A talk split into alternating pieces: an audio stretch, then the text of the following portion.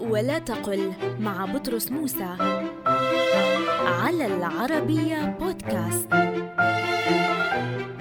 قل كان الوزير قال في وقت سابق ولا تقل كان الوزير قد قال في وقت سابق.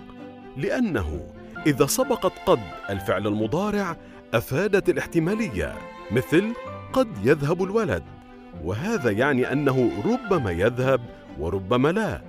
أما إذا سبقت قد الفعل الماضي أفادت تأكيد حدوثه وهي هنا زائدة لا لزوم لها.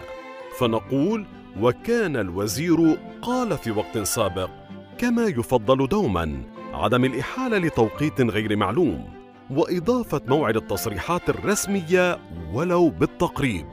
وقال الوزير في بداية يونيو الماضي إن كذا.